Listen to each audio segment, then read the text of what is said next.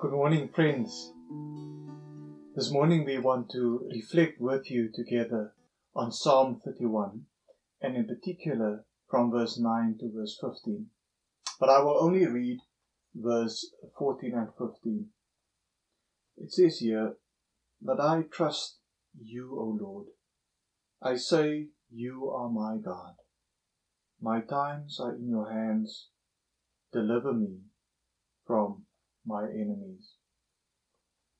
The poet, like the poet in Lamentations, also grapples and struggles with the attacks from enemies.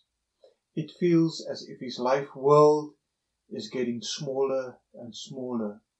It feels as if the oxygen is getting less and less, as if he is suffocating.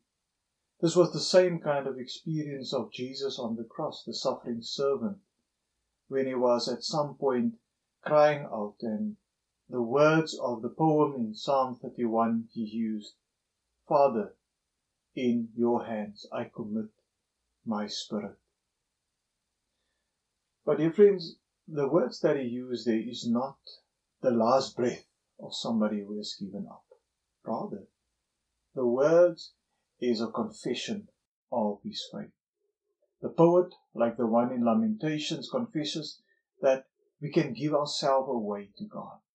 We can give ourselves to Him because God is the one whose face is shining over us. God saves us. And when therefore, when Jesus was on his way to the trial and his execution, in a sense we could say, he yielded himself to God and God's sovereignty. And so, in a time where it feels our world is getting smaller, in a time of lockdown, whether it's nine days or 21 days, we can still confess, Lord, in your hands I commit my life. In your hands I commit my future. My times are in your hands. Let us pray. Lord, as we count these days, as we feel it is getting smaller and smaller the world around us.